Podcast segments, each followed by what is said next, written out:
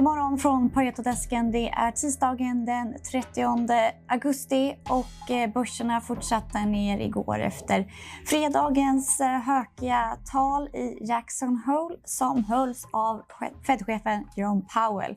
Idag ska vi prata gamingbolag med analytiker Joakim Waldoff. Hur går det för gamingbolagen om man ser allmänt? Eh, I allmänhet går det fortfarande okej okay för gamingbolagen tycker vi. Det har varit lite svårare att eh, uppnå organisk tillväxt för många av bolagen. Eh, och marknaden i sig har haft eh, lite svagare tillväxt än, än tidigare år.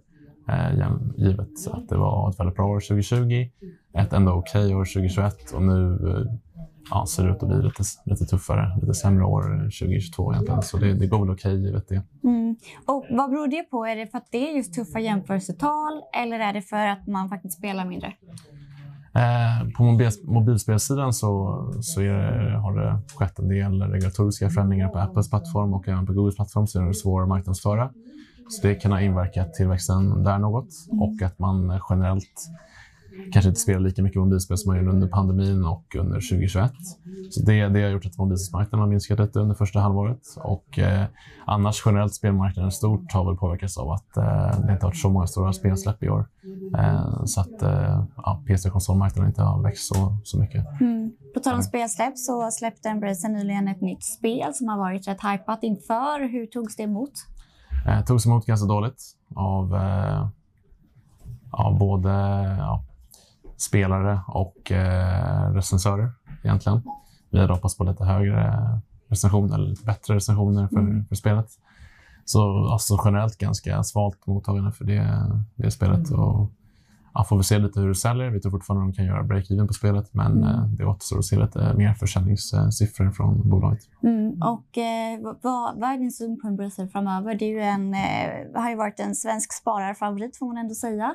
Mm. Hur eh, tycker du att de performar och vad, vad är din outlook på bolaget?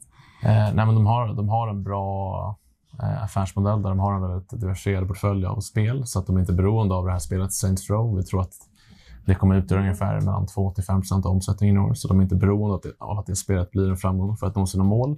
Så vi tror givet det att de kan nå sina mål. De guidar på justerad ebit och vi tror att de kan nå de målen. Så att outlooken generellt är positiv på Embracer. Vi tror mm. de kan mm. växa med ja, i deras range om 20-35% organisk eh, tillväxt. Så, mm. så fortfarande positiv syn på Embracer. Och på för, för, förvärvssidan, hur ser det ut där? Eh, vi tror fortfarande att de kan, kan göra eh, förvärv. Mm.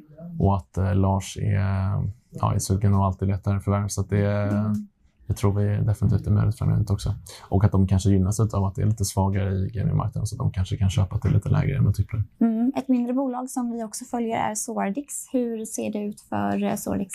Eh, Sordix ser... Eh, rapporten var lite... Det händer inte så mycket i kvartalet som kommer, Q2. Eh, försäljningen drevs mycket av eh, backkatalog, så ett spel som har släppts tidigare. De hade ett starkt år under 2021 och försäljningen av de spelen fortsätter att generera eh, god... Eh, ja, eller, ja, de spelen som de släppte under 2021 fortsätter generera god eh, försäljning. Så det liksom har fortsatt i Q1 och Q2. Men egentligen inga nya spelsläpp. Så, så vi får se lite under H2 om det kommer något spelsläpp från Sordix. Annars tror vi kanske att eh, några av de spelsläpp som vi har trott tidigare, vi trodde tidigare att Småland kanske skulle släppas under eh, Q4 och att det kanske blir skjutet till eh, eh, 2023 och att Maximum Football och Bramble också kommer under 2023. Så vi kommer nog justera våra prognoser lite där och tilta det lite mer åt att 2023 blir ett väldigt starkt år och att eh, resterande del av 2022 kanske blir lite svagare än vad vi tidigare hade tänkt. Mm. Ja, återstår att se. Tack så mycket Joakim. Tack så mycket. Vi är åter imorgon.